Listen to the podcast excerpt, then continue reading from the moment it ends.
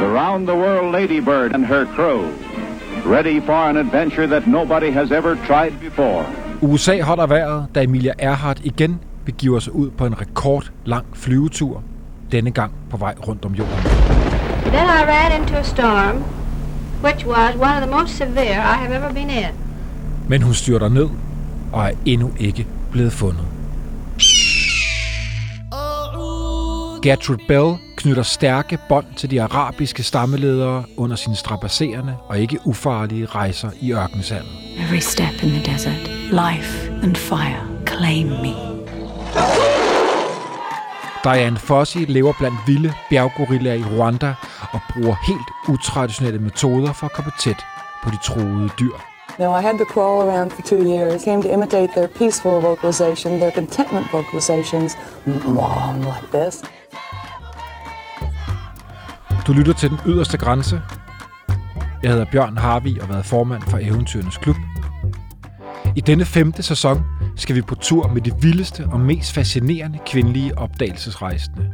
Kvinder, der på hver deres måde og mod alle odds ændrede verden.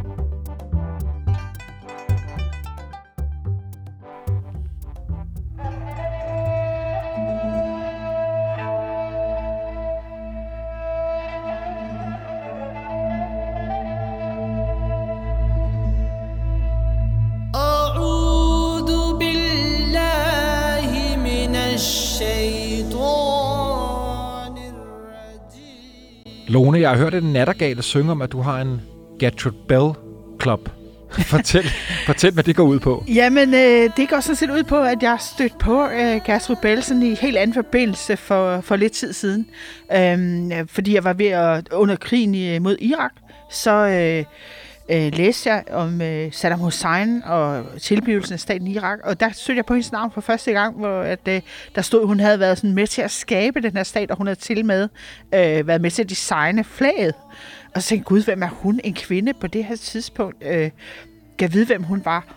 Øh, og så opsøgte jeg simpelthen hendes øh, biografi, øh, som viser at være den vildeste, vildeste øh, fortælling om et liv, som... Øh, Jamen altså, det kunne man godt have spredt ud på en del andre mennesker, eller på flere mennesker, og så har de stadigvæk haft meget interessante liv. Så øh, det startede min fascination, og den deler jeg så med, med to andre øh, kvinder, og øh, vi mødes en gang imellem og øh, får noget middag sammen og taler lidt om Gertrud Bell og det, hun opnåede, og andre ting selvfølgelig også. Hvor lyder det fantastisk. Ja, Og eventyrligt. ja. Øh, I dag skal vi med Gertrude Margaret Lothian Bell ud på til tider farlige rejser gennem Transjordanien og Mesopotamiens ørkensand. Bell, formentlig den vigtigste og mest kendte af alle kvindelige opdagelsesrejsende, knyttede stærke bånd til de arabiske stammeledere, som hun både beundrede og respekterede dybt. Bell gav Lawrence of Arabia øh, hjælp hjalp ham med at etablere Hassamid-dynastierne i i nutidens øh, Jordan og Irak, da englænderne deler verden med streger på et kort efter osmandernes øh, tabte indflydelse over området. Hvad var det, Gertrude Bell kunne? Og hvorfor var hun så dygtig til at skabe tillid til de arabiske stammer? Det og meget mere skal vi to tale om. Lone Tejls, velkommen. Tak skal du have. Du er journalist og forfatter med stor fascination, som du netop har fortalt, af Bell, og øh, mens du igennem øh, mange år boede i Storbritannien, så var det sådan, at du faldt over hendes bøger, og der ligger også sådan lidt bøger spredt ud ja. her på bordet Ja, øh, lister foran lidt os. med. Ja, det er så fint. Øhm, vi skal ind i en øh, meget stærk scene, en, jeg ved, jeg ved ikke, om man kalder det skældsættende, verdenshistorisk vigtig scene. Churchill sidder med sin cigar i mundvinen, Ja. og store kort spredt ud på bordet foran sig. Øhm, og der skal tegnes streger på de her kort, Ja. omgivet af sine aller øh, vigtigste rådgiver. Fortæl om den scene, Lone. Ja, det er jo sådan en klassisk tilrådet lokale, øh, hvor mændene sidder og bestemmer, hvad der skal ske i verden, og hvor skal linealerne gå hen, hvor skal man lægge linealen og tegne streg, øh, og hvordan skal det britiske imperium se ud i fremtiden. Øh, så det er jo vigtige beslutninger, der skal træffes. Og øh, situationen i, i Mellemøsten er jo mildest kompliceret. Det er den også i dag, men det var den bestemt også dengang. Og øh, der er alle mulige hensyn, der skal tages med, hvor skal man trække grænserne, og der er beduinstammer, der rejser frem og tilbage, så øh, flere sheiker øh, taler om, at de vil gerne have en fleksibel grænse, og Churchill sidder og river øh, nærmest totter ud af, øh, håret, eller hvis han havde haft så havde han gjort det. Men øh, øh, han sidder så og taler med sin rådgiver, og så siger han, prøv at høre, vi er nødt til at få fat i nogen, der kender de her stammer, øh, og ved, hvordan de fungerer. Øh, og vi er nødt til, hvis vi skal etablere et kongedømme, så er vi nødt til at vide, hvem der, øh, ved, hvem der er de gode kandidater til, hvem der skal blive konge.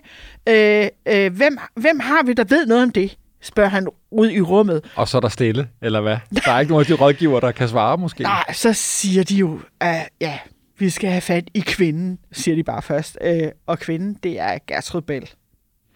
Og hvordan det kan være, at de havner der, og hvordan at selveste Churchill sidder og spørger om Bell. Det er det, vi skal bruge Ja, det næste 50 minutter på.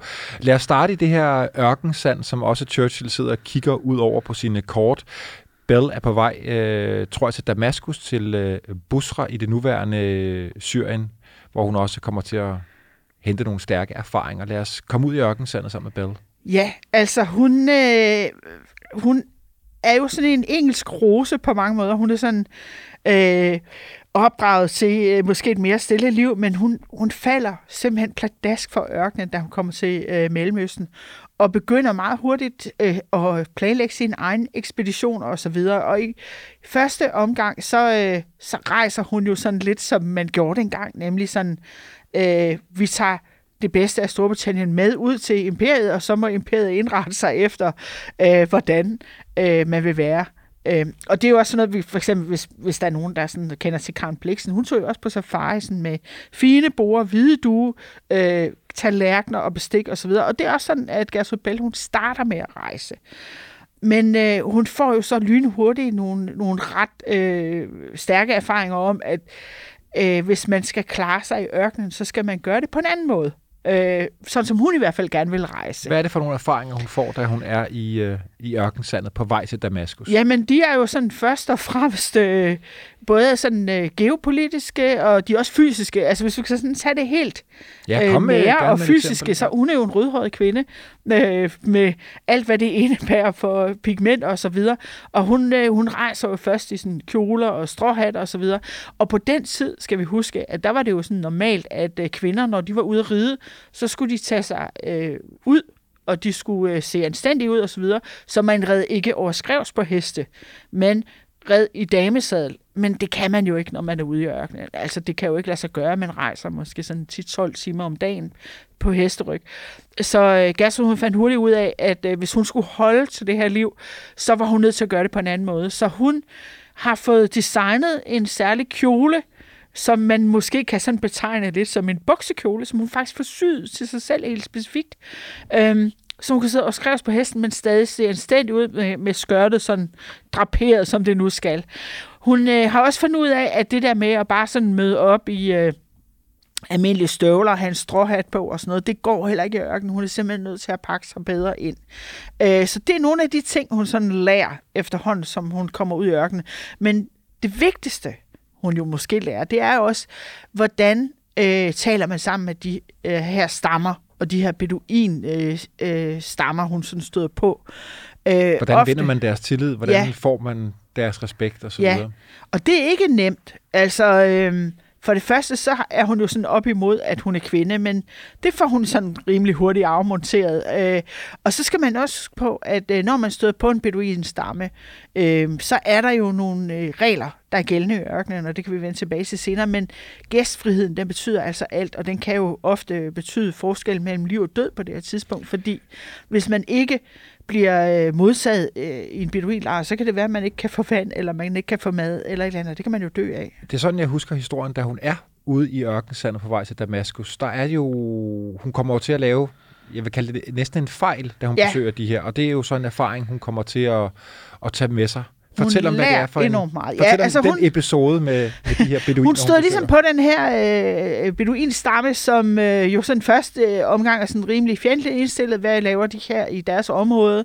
Og øh, så får hun ligesom talt sig øh, ind på dem og, og får øh, den ære at blive inviteret ind i Schalkens telt, hvor der jo ellers kun sidder mænd.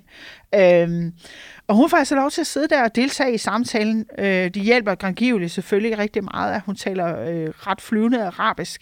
Øh, og hun sidder så har de her, den her samtale, som man jo nogle gange har i sådan nogle telte, hvor man lige sidder og snakker lidt om, Nå, men, øh, hvem har købt nye kameler, hvem har købt nye heste, øh, hvad for nogle stammer har øh, haft hvilke sammenstød, hvem er blevet slået ihjel, hvem skal betale blodpenge. Alle de der øh, small talk, som man jo har sådan derude. Øh, og så på et tidspunkt, så bliver hun... utrolig meget information om Ja. de steder, hun også rejser. Ja, hun er jo super interesseret, øh, fordi hun vil gerne forstå de her stammers indbyrdes forhold. Hvem er, hvem har magt, hvem har underlagt sig de andre osv. Det er jo et kæmpe kompliceret netværk, som jo ikke er umiddelbart gennemskueligt for de fleste Europa, europæere, så, og umiddelbart ikke øh, til at forstå, men det er jo super nyttig viden, øh, fordi hvis vi lige skal træde et skridt tilbage, så, så øh, har vi i det her område ligesom øh, det ottomanske øh, imperium, som jo sådan er Tyrkiet, øh, som ligesom styrer det, og så har vi det britiske imperium. Og det er sådan lidt øh, en magtbalance mellem de her to store imperier. Hvem kan ligesom øh, eje ørkenen? Hvem kan have magt over ørkenen? Øh, og det er jo noget af det, der får betydning senere hen, når vi kommer frem til Første Verdenskrig. Øh, og derfor er det jo sindssygt vigtigt, at man ved, hvor de forskellige stammer er, hvad er deres interesser, øh, hvordan kan man knytte dem til det ene eller andet imperium. Det er jo noget, der er super vigtigt. Øh, men det er sådan set ikke det, øh, Gertrud hun tænker på lige nu. Hun er bare super interesseret. Hun er derude, fordi hun, er, hun synes, det er spændende, og hun vil gerne forstå, og hun er fascineret og, og tiltrukket af den her kultur. Øh, så i virkeligheden, så, så indsamler hun viden for sig selv, som hun dog formidler videre, øh, blandt andet i breve og, og senere rejsebeskrivelser. Men det er hendes, det er hendes øh, interesse, kan man sige. Hun kommer så ind i det her telt, og de sidder og snakker, og... Øh, og, og, og så er der, der er sådan gået nogle timer, så er hun egentlig også træt. Hun er jo rejst hele dagen og så videre. Så hun, hun øh, undskylder sig og, og siger pænt øh, tak og så videre, og trækker sig tilbage til teltet. Og det er en kæmpe fejl. Kæmpe fejl. Øh, hendes, Hun, hendes- hun jogger altså virkelig spinatet, uden hun ved det. Ja, Ja. Øh, Så, men øh, hun har heldigvis en god øh, guide med, øh, og han skynder sig og løber hen til hendes telt og siger, oh my god, altså du har simpelthen virkelig øh, begået faux pas her. For det første, så kommer man simpelthen ikke til en sheik, uden at give ham en gave. Det gør man altid. Og der er kun to gaver, der er acceptable i den her verden. Den ene er våben, og den anden er heste. Det er, hvad man kan give. Altså, det er ikke noget med at komme med en øh, lille buket eller en chokolade. Det er en hest eller et våben. Og, øh, og så øh, har Scheiken så ovenikøbet, som en stor ære for hende, øh, sagt, at der skulle slagtes et får, og det får er ikke blevet serveret endnu, fordi de skulle jo først lige have det stigt og så videre. Så øh, Uh, ja, det er virkelig en, en kæmpe overskridelse af, af de høflighedsregler, som hun selvfølgelig ikke har kendt til.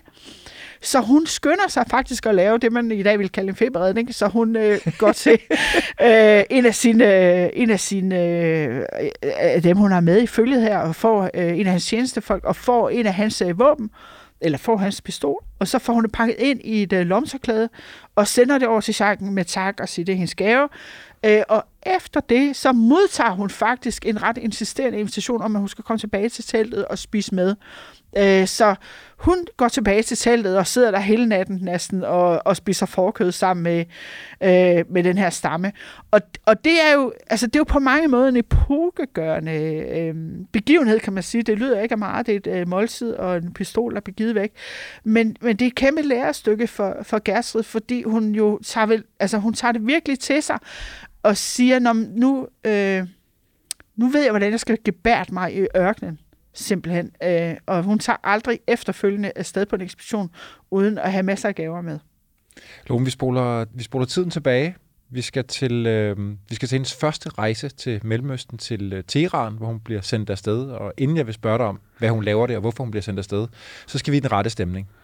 Vi har fundet, øh, synes øh, jeg og min kære lydmand Bjørn, som har det samme navn som mig, øhm, en, øh, en fantastisk optagelse fra en af Rumis tekster. Rumi var den store øh, ja. persiske poet, og bare en Ja. bibemærkning, jeg har læst ham selv, da jeg rejste i Iran, så for mig er det her musik også øh, meget stærkt.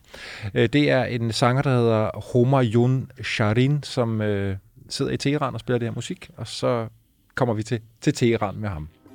آخ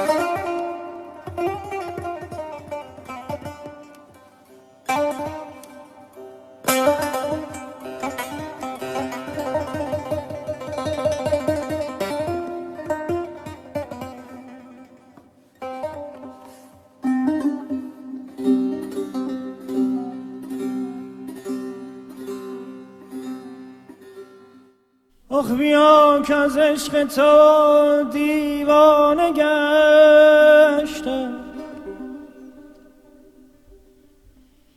وگر شهری بودم ویرانه گشتم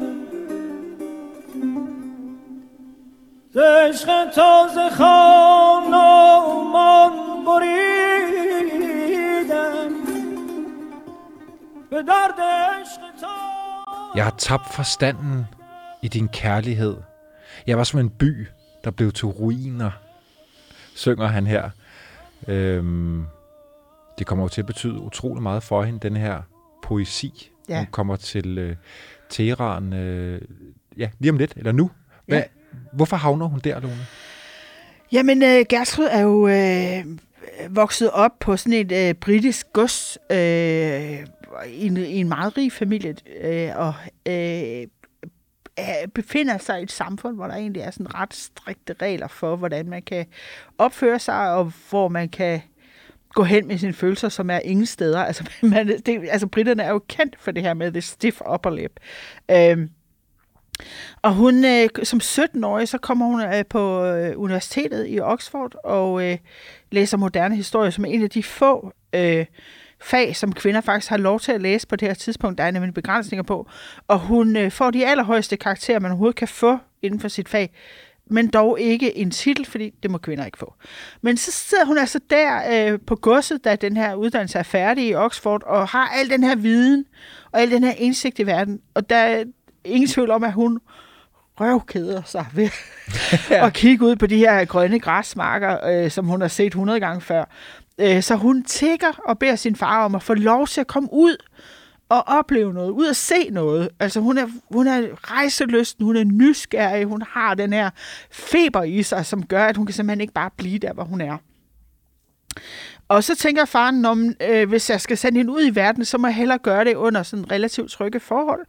Så øh, hun har en onkel, som er øh, gift med morens søster, og han er øh, ambassadør i Teheran. Og så tænker faren, om så kan jeg ligesom sende hende sådan lidt i familiepleje der. Øhm, og der kommer hun jo så til som ganske ung. Hun er, ja, hun, jeg tror, hun er blevet par 20 her. Og, øh, og det er jo en helt anden verden. Altså, dels så er det jo sådan øh, ambassaden, det er diplomatiet, øh, og hun får jo sådan hurtigt, øh, hun får VIP behandling, fordi hun er jo familie med ambassadøren, så man sætter sådan en øh, stakkels øh, tredje sekretær på ambassaden til at, at passe lidt på hende. Men han er faktisk øh, rigtig fin, fordi han er også med til at åbne øh, Mellemøsten på en eller anden måde for Gertrud, og jo selvfølgelig Teheran først og fremmest, som han viser hende og, og øh, en veninde rundt i. Det er Øh, Mr. Henry Cadogan, Ja. tror jeg, han hedder. Ja. og han får stor betydning for hende senere. Men altså, han er jo den, der tager øh, dem med rundt på bazar. Han tager dem med rundt og, og ser øh, monumenter og andre interessante ting. Og, og det er også ham, der ender med at introducere hende for poesiens verden og for kærlighedens verden. Og, og nu hørte vi det her utrolig smukke, det er jo simpelthen så smukt, det vi lige hørte, altså, hvor man får jo nærmest sådan et gåsehud.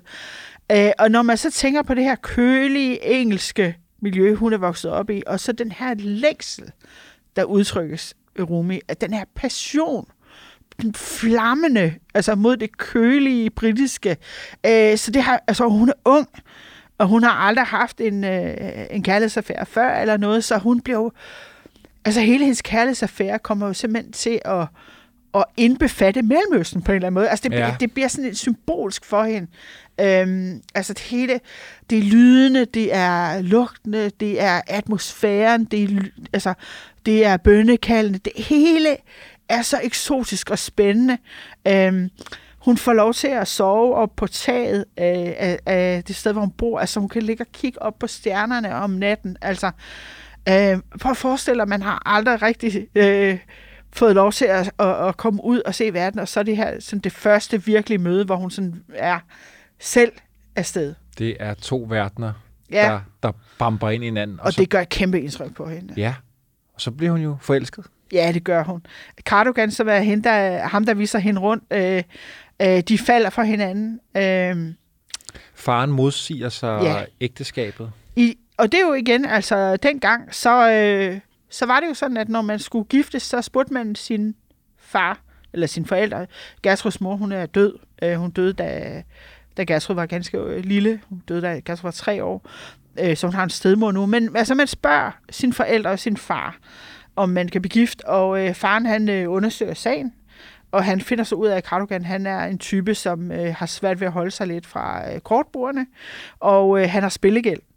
Okay. Så øh, af den grund, øh, så synes at han, han ikke, at, hun er, at han er et godt match øh, til sin datter. Og jeg tænker også, at øh, altså, det er jo sådan den pæne forklaring, men jeg tænker måske også, altså hvis han har spillegæld, og han har set, at Gerso kommer jo fra en virkelig, virkelig velhavende familie. Altså, der er ingen smelt steder Familiens på noget ry og tidspunkt. rygte kan, kan få et hak.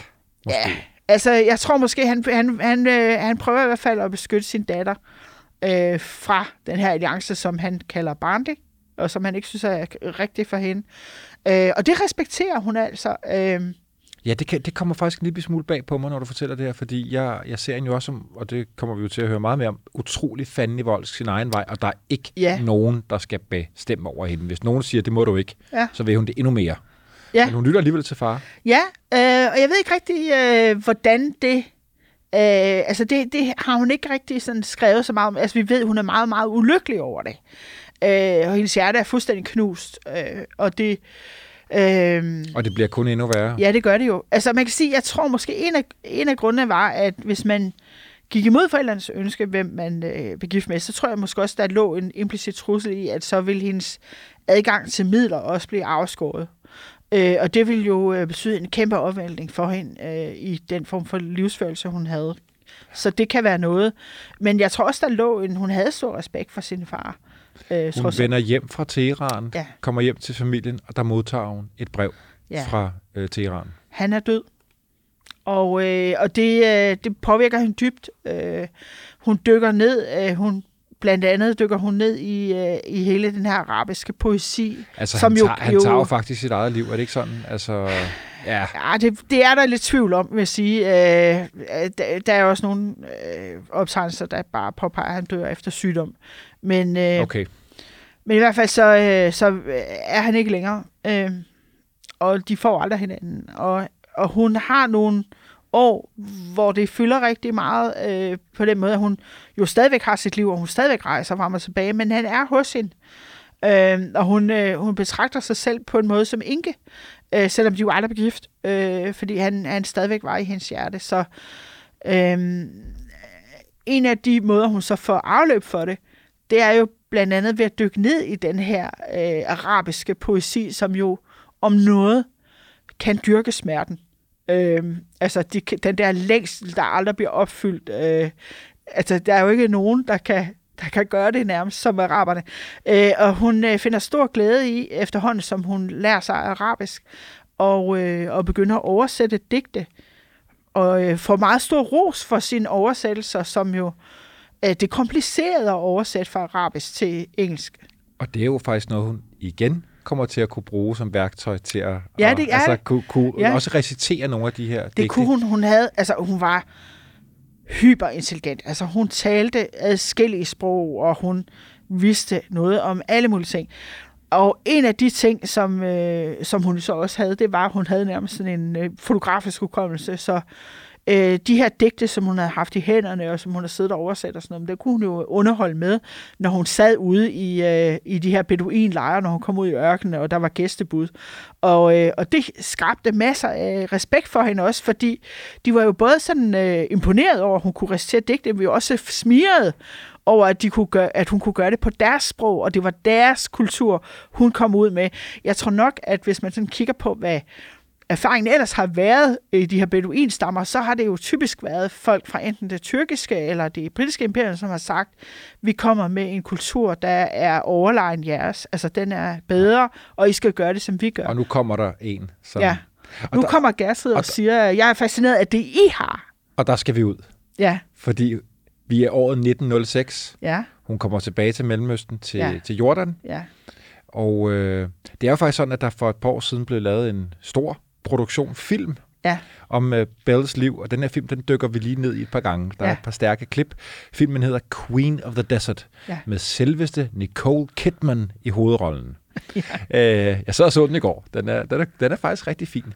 Og øh, Lone, det er jo sådan, at den scene, vi skal høre lige om lidt fra filmen, der, øh, der møder Bell øh, to højtstående øh, britiske, jeg, jeg ved ikke om de er officerer, den ene er major, tror jeg, de ja. Mødes, øh, og øh, de har jo hørt om, at hun har planer om, at hun vil ud til beduinerne, og det er de ikke glade for.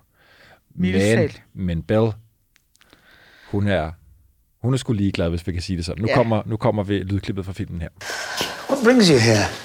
Why do you leave England for good, as you say? Well, to be honest, I do not fully understand myself, but I did have my moment of epiphany.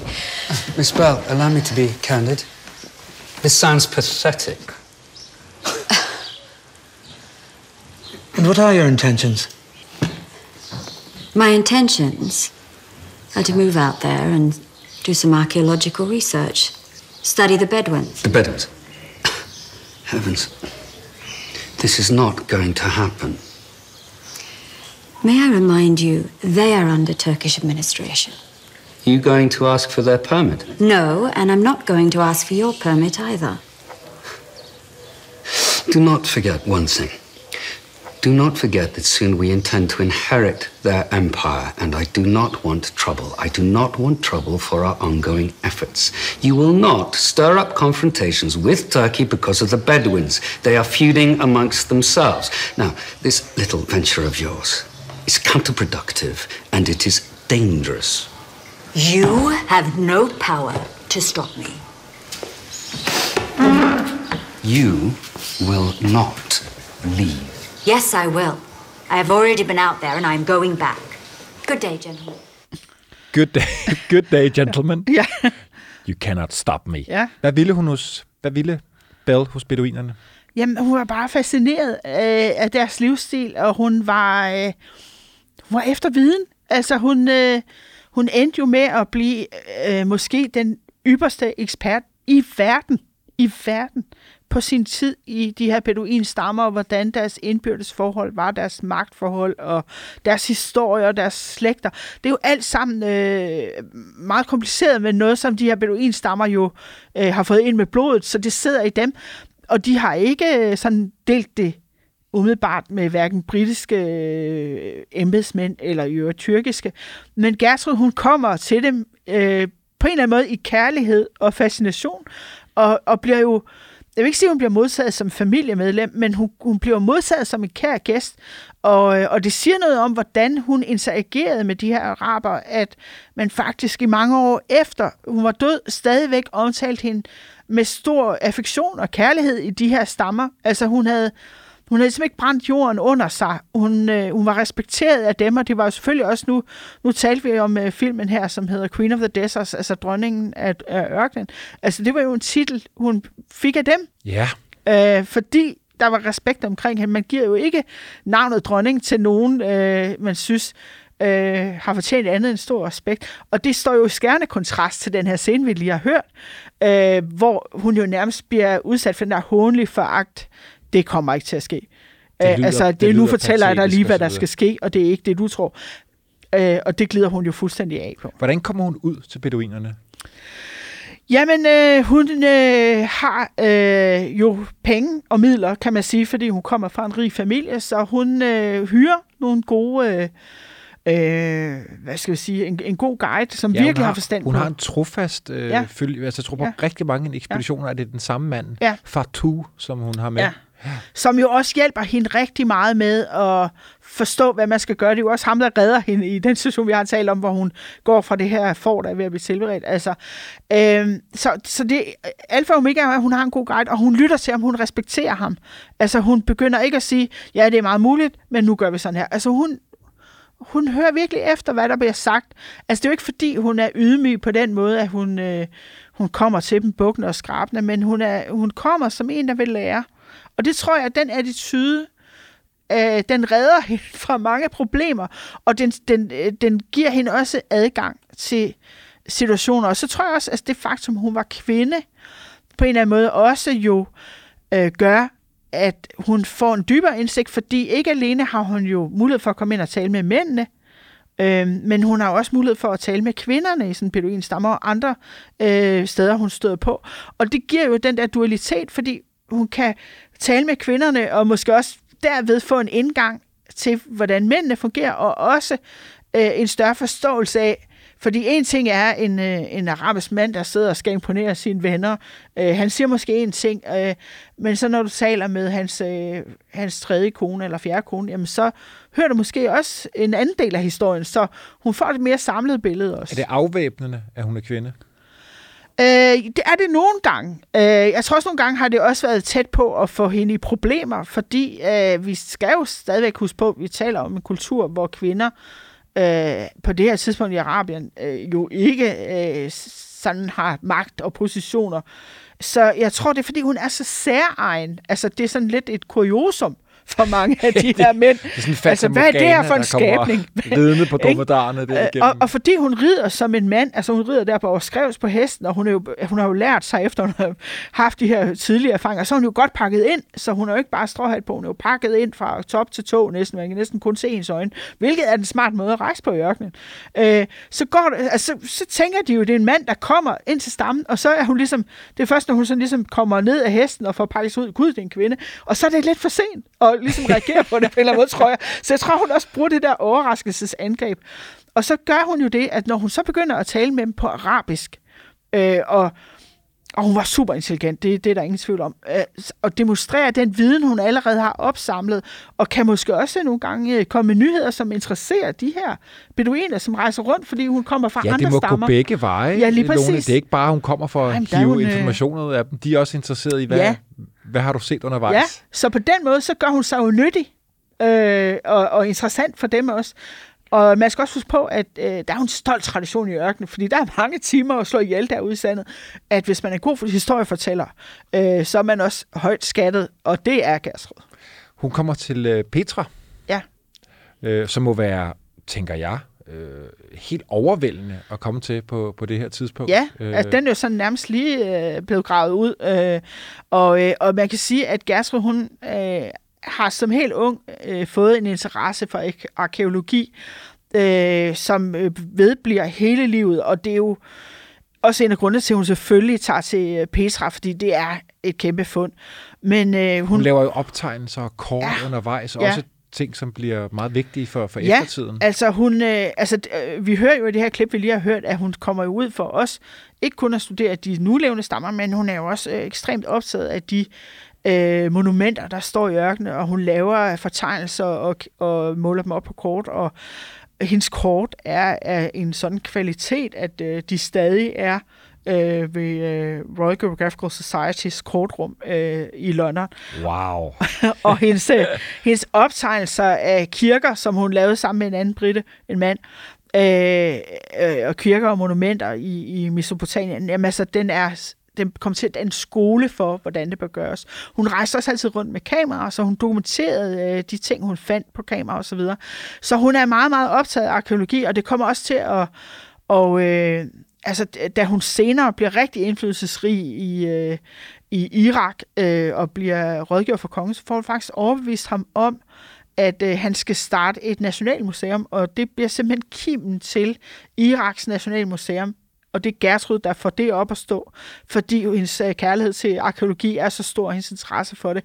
Og hele, hvad skal man sige, starten på samlingen, kernen i den her samling, det er Gertruds egne fund, som hun har taget med fra ørkenen. Så øh, det var en stor og vigtig ting for hende. Mens vi er i Jordan, så brænder jeg inde med endnu noget lyd, og det er fra øh, de øh, jordanske beduiner. Ja. Prøv at lytte med en gang. Ja.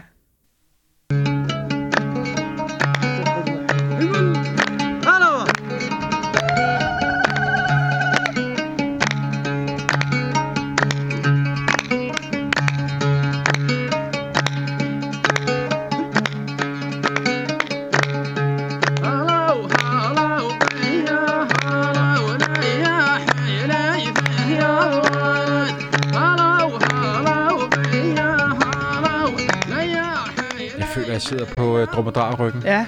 Og rider derud af. Det er ja. helt fantastisk, det der. Og hun var, øh, ja. Og det var jo også noget, det hun nød. Altså hun nød jo virkelig, når hun kom til telt, og ikke bare udveksle informationer, men også hele den kultur, der var øh, omkring beduinlivet, og hvordan de festede om aftenen, hvordan de tændte bål, og, og sad og fortalte hinanden historier, og sang og dansede. Øh. Ja, nu siger du også tændt bål, ikke? Det, Ja. det, det, er jo så vildt, det der, man er ude i ørkenen, og så er der 40 grader om dagen, og så Ja. bliver det minusgrader om natten. Ja. Det der helt vilde Ja. miljø, hun egentlig Ja. rejser i, og, Ja. og så videre. Hun, hun, Hun, øh, kan, hun kunne klare nogle strabasser. Øh. Lone, hun, øh, jeg kan ikke huske, hvor det er og hvornår det er, om det er i Jordan. Hun møder jo øh, en, en, på det her tidspunkt, ung mand, som bliver verdensberømt. Ja. Lawrence of Arabia. Ja. Hvor, hvor er det, de møder hinanden? Jamen, de møder faktisk hinanden på en øh, arkeologisk udgravning, øh, hvor, hun, øh, hvor hun sådan begynder at snakke med ham. Han er jo en del yngre end hende, øh, og hendes rygte er på det tidspunkt rejst sådan lidt i forvejen. Altså, man har hørt om, Så om han har hørt om hende? Ja, Okay. Øh, og hun lærer ham jo meget, øh, og det, det synes jeg er sådan lidt sjovt, fordi når man sådan ser ud over øh, Arabiens historie, og, og hvordan øh, øh, Lawrence of Arabia, som man jo kalder ham, han, han kom til at forme den. Øh, Ja, så hvorfor, det jo, hvorfor blev han så vigtig? Jamen, han blev vigtig, fordi det var ham, der rejste rundt og, øh, og fik stammerne over på den britiske side, kan man sige, da, da det endelig kom til øh, krigen, og man havde den her konflikt med, med det osmaniske rige, med Tyrkiet selvfølgelig først og fremmest, øh, så var det Lawrence of Arabia, der ligesom organiserede de her øh, stammer. Ja, og, og nu, fik og dem, nu starter du faktisk hele vores samtale med at fortælle om den her ret stærke scene Ja. med uh, Churchill, der sidder med, med Ja. kortet bredt ud på bordet. Bell er ikke til stede, så Nej. vidt jeg husker, men det er Lawrence of Arabia, og det er ham, der siger, ja, til nu skal Churchill. vi... Øh, der er, der er en, der ved ja, mere, end også jeg gør. ja. Og det er, Fordi det, det er jo Bell. Gertrud, der er jo meget i... Altså, han går jo til Gertrud ofte, øh, i hvert fald da i starten, da han er ung. Øh, selvfølgelig samler han så også sine egne erfaringer senere hen. Men i starten, da han kommer til øh, området, øh, så har han masser af spørgsmål, som Gertrud hjælper ham med. Altså, hun er og bliver en kæmpe autoritet på det her område. Det er ikke altid, de enige, og det er ikke altid, de enige i, hvordan man løser de her konflikter. Øh, men øh, der er ingen tvivl om, at han lærer rigtig meget af hende, og hun kommer til at lægge fundamentet for hans viden, som han jo senere bruger til at også være med til på sin måde at, at sætte sit præg på verdenshistorien. Lone, vi skal tilbage til, øh, til Syrien. Ja. Vi skal ned til øh, druserne, som Ja. ja. du også lige skal fortælle, øh, hvem er. Men øh, vi springer lige tilbage til filmen Ja. med øh, frøken Kidman i hovedrollen. Nu er hun jo som Bell øh, tilbage til militærmændene, der igen nu har hørt, at hun skal øh, ud til Ja. beduinerne. Ja. Og øh, nu har de en øh, plan for, om øh, hun måske vil indgå et samarbejde med militæret. Prøv at lytte med en gang. Ja. You ventured out, and I felt not inclined to support this. To put it mildly. With the size and momentum of the Great War that is gaining, it would be of considerable value for our country if you could make your curiosity more systematic. Meaning what? You would be our only spy in a vast area we have little intelligence about. In short, no. A blunt no. Correct, a blunt no. I operate for no one. What is it then that attracts you to the Bedouin out there? It is something that you and your world would never understand. It's their freedom. It's their dignity. It's their poetry of life. Det er deres værdighed Ja, og deres poesi. ja.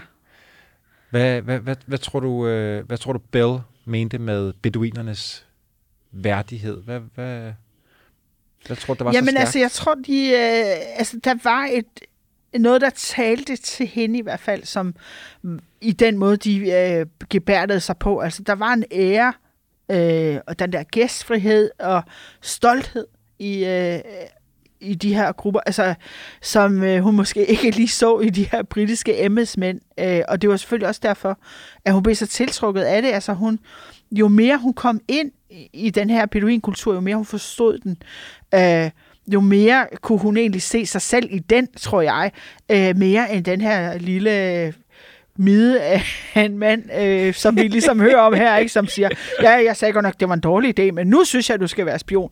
Altså, og, og jeg sad og så tænkte, da jeg hørte det her klip, altså hun har jo den luksus, hun kan sige nej, fordi hun ved, at øh, den næste øh, ekspedition, hun var på, den finansierer hun selv, og den næste, og den næste. Altså fordi hun havde nærmest øh, en uudtømmelig øh, pengetank, hun kunne bruge. Og det var selvfølgelig øh, hendes en ikke fordel. ubetydelig detalje. Ja. Mm. Men hun... Øh, og, og, og det, det gør jo så, at man har den luksus, man siger, at man vil ikke blande sig ind i politik, øh, og man vil ikke have noget med det her at gøre, fordi vi er jo sådan i, i forløbet, hvor vi kommer sådan op til Første Verdenskrig. Og, øh, og jeg, jeg synes, det er meget sjovt, fordi jeg, jeg har faktisk en lille citat her i, i starten af bogen, som faktisk står i, øh, her i foråret, fordi jeg synes, det, det er lidt sjovt. Fordi hun bliver jo sådan set øh, indblandet i politik på den måde, at man kommer til at bruge hendes kort under 2. verdenskrig. Øh, alle de her fine, fine kort, hun har optegnet med stor akkuratesse, øh, de, de bliver faktisk brugt, da man skal kæmpe i ørkenen. Øh, og, øh, og de bliver nævnt i den, øh, den engelske patient, som de fleste måske kender som film.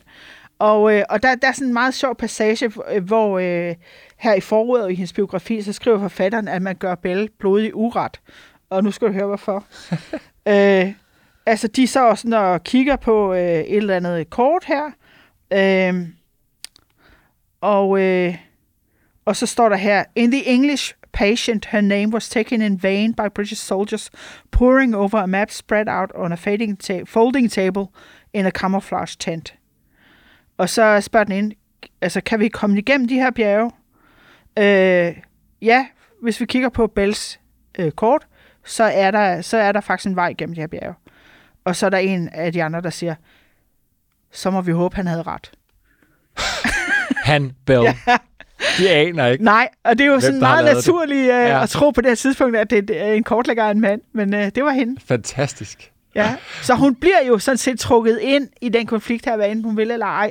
Men jeg tror, øh, når man ser på, hvordan hun har gebærdet sig i den, og de ting, hun har talt for, øh, så er hun i hvert fald med til, og så kan man så være uenig i den løsning, hun foreslår osv., men hun har i hvert fald i den grad været med til at oplyse og nuancere britternes forhold til de her arabiske stammer og de interne magtforhold, der var i den her rodebutik, der er i Mellemøsten på det her tidspunkt.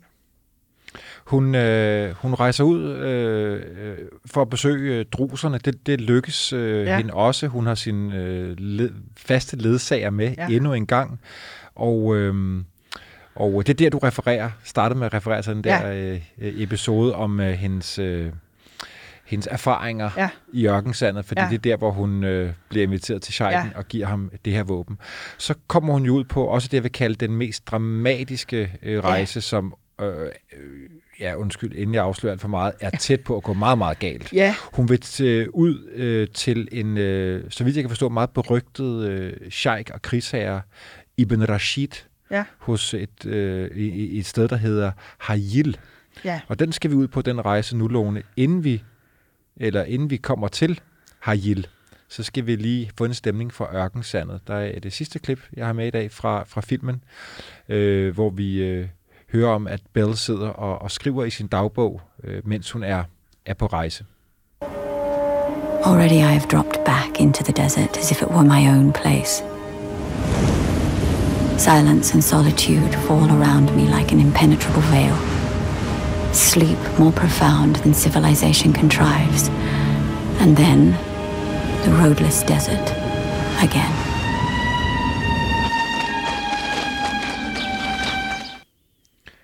Hvad er det for en verden, hun er på vej ud i? Hun, hun, er, hun er på vej til Harjil, ja. som mildetalt ikke har et særligt Nej. godt rygte. Harjil er en by, hun er super nysgerrig for at besøge. Og en af grundene til det, det er, at øh, der er ikke ret mange mennesker, der kan komme til Harjil, for det er en farlig by. Øh, øh, og det piger jo selvfølgelig øh, Gertruds øh, nysgerrighed og vilje til at komme derhen endnu mere. Øh, det er et område, som på det tidspunkt er lidt af en vipserede, hvor at... Øh, der har været en masse interne stridigheder om, hvem der skal øh, have, være tronfølger, og, og det er kommet så vidt, så øh, stort set alle voksne mænd, øh, der kunne være kompetale, de har slået hinanden ihjel i interne kampe og stridigheder. Så den ældste øh, tronfølger, han er bare 16 år.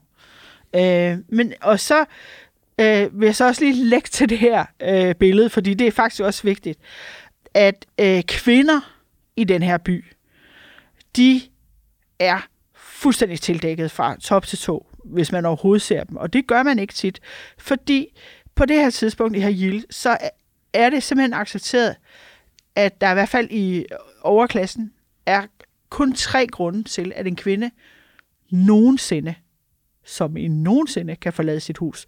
Hun kan forlade sit hus, når hun bliver hentet af sin brudgom. Hun kan forlade sit hus, øh, når hendes forældre dør. Og hun kan forlade sit hus, når hun selv dør. Det er de tre Ej, valide grunde, der er til at forlade sit hus. Øh, og så kan man sige, sådan i underklassen, så har man det sådan lidt mere, øh, der, der er det sådan lidt mere løsligt. Der kan man godt gå ud og besøge kvindelige slægtninge om natten, fuldstændig tildækket. Og det er sådan, det er at være kvinde Hayel. Så øh, man kan forestille sig en, øh, en kvinde, der rejser alene med kæmpe stor følge af mænd. Øh, det, det er lidt af et clash med, med byens kultur, for nu sige det pænt. ja, for hvad, hvad, hvad sker der, da hun øh, banker på øh, Jamen, hun, hun bliver sådan set uh, budt velkommen, fordi igen, vi skal huske den arabiske tradition, skatter uh, gæstfriheden, som, altså det er så vigtigt. Så hun uh, bliver faktisk rigtig fint modtaget på mange måder. Hun uh, bliver anvist en, en bolig, som øh, faktisk hører sådan kongefamilien til, om en, en sommerbolig, som er meget smuk. Øh, den består sådan af hvide søjler, der er lavet af kokospalmestammer, øh, og så er der sådan øh, øh, en fin lille gård med øh, palmetræ og, øh, og, og dekorationer sådan i blåt og rødt. rundt. Altså det er et meget flot sted. Og hun får også stillet, stillet to øh, kvindelige slaver til sin rådighed, som øh, lyder hendes mindste bud. Øhm, og, øh, og der kommer også øh, folk på besøg og så videre. Men hun kan ikke få lov til at bevæge sig ud i byen, fordi der er sådan rimelig stærkt øh, styre af religiøse imamer her, øh, som siger, at det er meget uanstændigt, at hun øh, får lov til at overhovedet være her, og hun rejser alene, og det ser de meget strengt på. Så man finder sådan en slags mellemløsning, man har lagt, ligesom sagt, okay, velkommen her, kan du bo, du bor under meget, meget fine forhold, du skal ikke mangle noget mad eller noget, men øh, nej, du kan ikke komme ud. Men hun sidder så i en anden form for husarrest. Det er simpelthen altså. husarrest, og hun er dybt presset, fordi man skal huske på, hun kommer jo, hun har rejst langt, så hun kommer med pænt stor følge, øh, hun har kameler, hun har heste, øh, som er slidt op, og dem, dem har hun så fået solgt. Øh, men altså, hun kan også se, altså hun kan ikke blive ved med at holde det her store sådan, karavanefølge, så hun må sådan lade sine mænd øh, altså blive fritstillet, som vi siger på moderne sprog, sådan Ja, efterhånden så er gået. Fatou og de andre, Ja. ja. som har været hendes tætte rådgiver. De Og så er, hun også, øh, så er hun også presset på økonomien. Fordi den måde, man øh, klarer de økonomiske problemer, eller sådan økonomiske transaktioner på det her tidspunkt, det er jo, at øh, man finder en agent, og så giver man ham øh, 2.000 øh, pund, og så skriver han en tilgodeseddel på det, og så går man hen til den næste by og siger, jeg har en tilgodeseddel fra her det og det, og så får man pengene der, fordi så skal man ikke rejse og dermed udsætte sig selv for øh, røveri og så videre. Øh, og da hun så kommer med den der tilgodeseddel Hilde, så siger de, ja, nej, nej, Den går ikke. Nej, så der står hun, hun har sådan 50 pund øh, tilbage, så hun er dybt presset, og hun er også øh, meget fortørnet over, at de ikke ærer det her system. Øh, så hun er ved at være godt rasende og frustreret, øh, jo mere hun ligesom ikke kan få lov til noget. Hun bliver så tilkaldt, øh, altså hun får ligesom sådan en invitation, hvor hun får lov til at mødes med en embedsmand, men det må foregå efter mørkets frembrud. Øh, og så bliver der simpelthen bundet stof på hoven af ens hest, som hun skal, så hun ikke larmer og ikke tiltrækker sig opmærksomhed. Nej, hvor absurd. Og så øh, får hun så lov til at besøge ham. Men altså, det, stadigvæk, der er ikke rigtig øh, nogen lydhørhed for, at hun vil gerne ud i byen og så videre. Og så er det jo vigtigt at sige, at øh, den øh, sheiken, som hun skulle besøge, Ibn Rashid, han er jo, på, han er jo i en krig et Ja, ja, andet ja. sted. Så, så hun sidder der og venter. Ja, og byen er, er nærmest handlingslammet, fordi ja. De tør ikke at tage nogle beslutninger om, hverken at give hende penge, eller lade hende rejse, eller lade hende se byen, Eller øh, skal, før han kommer eller skal tilbage. hun blive en del af det her Ja. harem, som hun næsten øh, bor, bor Altså hun sidder og venter på en 16-årig dreng. Han er 16 år her, ham hun venter på. Og inden vi skal afsløre, hvordan hun så også lykkedes at komme ud, så skal være det sidste stykke musik for i dag. En irakisk kunstner, øh, som hedder Rahim Al-Hajj, som spiller på øh, forgængeren til gitaren, den her øh, strenge instrument, der hedder Oud.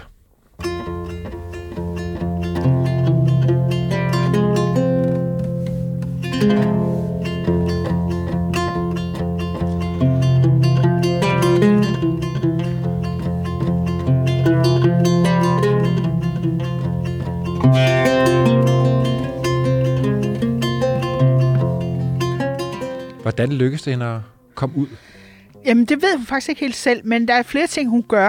Øh, for det første så bliver hun sådan tilkaldt øh, til sådan sammenkomst, og der taler hun med en embedsmand, og hun bliver ret rasende på ham, og, øh, fordi han ikke vil, han er hverken til at hugge eller stikke, hverken hvad angår penge eller rejse eller altså noget som helst. Og øh, så hun rejser sig meget rupt op for en samtale, og det er meget uhøfligt. Øh, og det bliver der selvfølgelig lagt mærke til. Så det er den ene ting, hun gør. En anden ting, hun gør, som måske er sådan mere kløgtigt, det er, at hun får øh, lov til at komme og besøge haremmet. Øh, og det må hun jo som kvinde.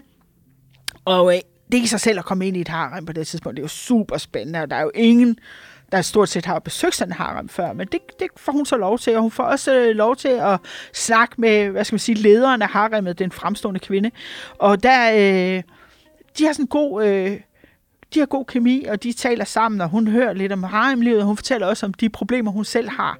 Og så går der sådan 3-4 dage, og så får hun lige pludselig, øh, lige pludselig sådan ud af det blå, et øh, bud om, at øh, nu må hun gerne rejse, hvor hun vil, og her er en pose guld. Så alle hendes problemer er løst med et slag. Øh, og så skulle man tro, at hun øh, ville spurgte ud af byen så hurtigt ja. hun kunne. Men det gør hun selvfølgelig ikke. Hun siger, jamen tak, øh, må jeg lige blive en dag mere, fordi nu vil jeg gerne lige så rundt og tage nogle billeder i byen og se den ordentligt. Hun er kølig. ja, det er hun. Øh, og det, det gør hun simpelthen. Og, og de der araber, de sidder sådan lidt og griner og ryster på hovedet af hende, fordi hun gør det jo med en eller anden form for charme, og hun får lov til det. Lone, her afslutningsvis, og vi kunne blive ved med at ja. snakke i timer om, om Belle, så, øh, så skal vi jo øh, ind på hendes øh, eftermæle på en eller anden måde her afslutningsvis, fordi hun jo betydet så meget. Jeg startede med at sige, at hun formentlig er den allervigtigste kvindelige ja. opdagelsesrejsende, og det ved jeg, du har noget, der Jamen, ja, måske flugter ja. ret godt med. Inden du vil læse det her op, du har taget med, så er det jo sådan, at hun, øh, hun dør i Bagdad ja. 1926, og du har taget noget med fra hendes øh, nekrolog. Ja, ja. Altså, det, det er bare fordi, det er sådan, de øh, komprimerer, hvem hun var. Altså, der stod i, øh, i den her vis, der er simpelthen ikke nogen samtidig kvinde nogensinde, der har kombineret de kvaliteter, hun har med den smag, hun har for farlige eventyr, øh, plus videnskabelig interesse og viden og kompetence øh, i både kunst og litteratur og sympati for alle slags mennesker, politisk indsigt og påskyndelse af de menneskelige værdier. Det må man sige, der er et eftermæle, der er til at tage føle på. thank you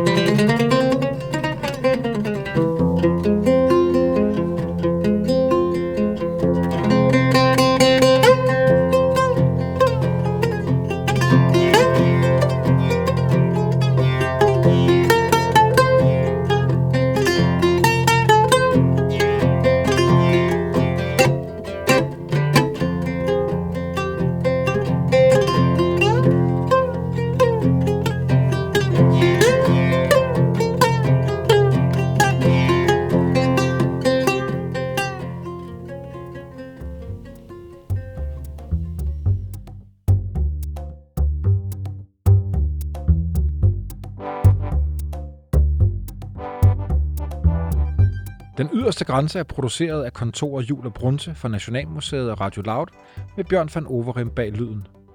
En særlig tak til Bent Jensen og Arktisk Institut, De Kvindelige Eventyrernes Klub, David Hoffman, Discovery Channel og National Geographic. Find serien på vorestid.dk eller der, hvor du normalt finder dine podcasts.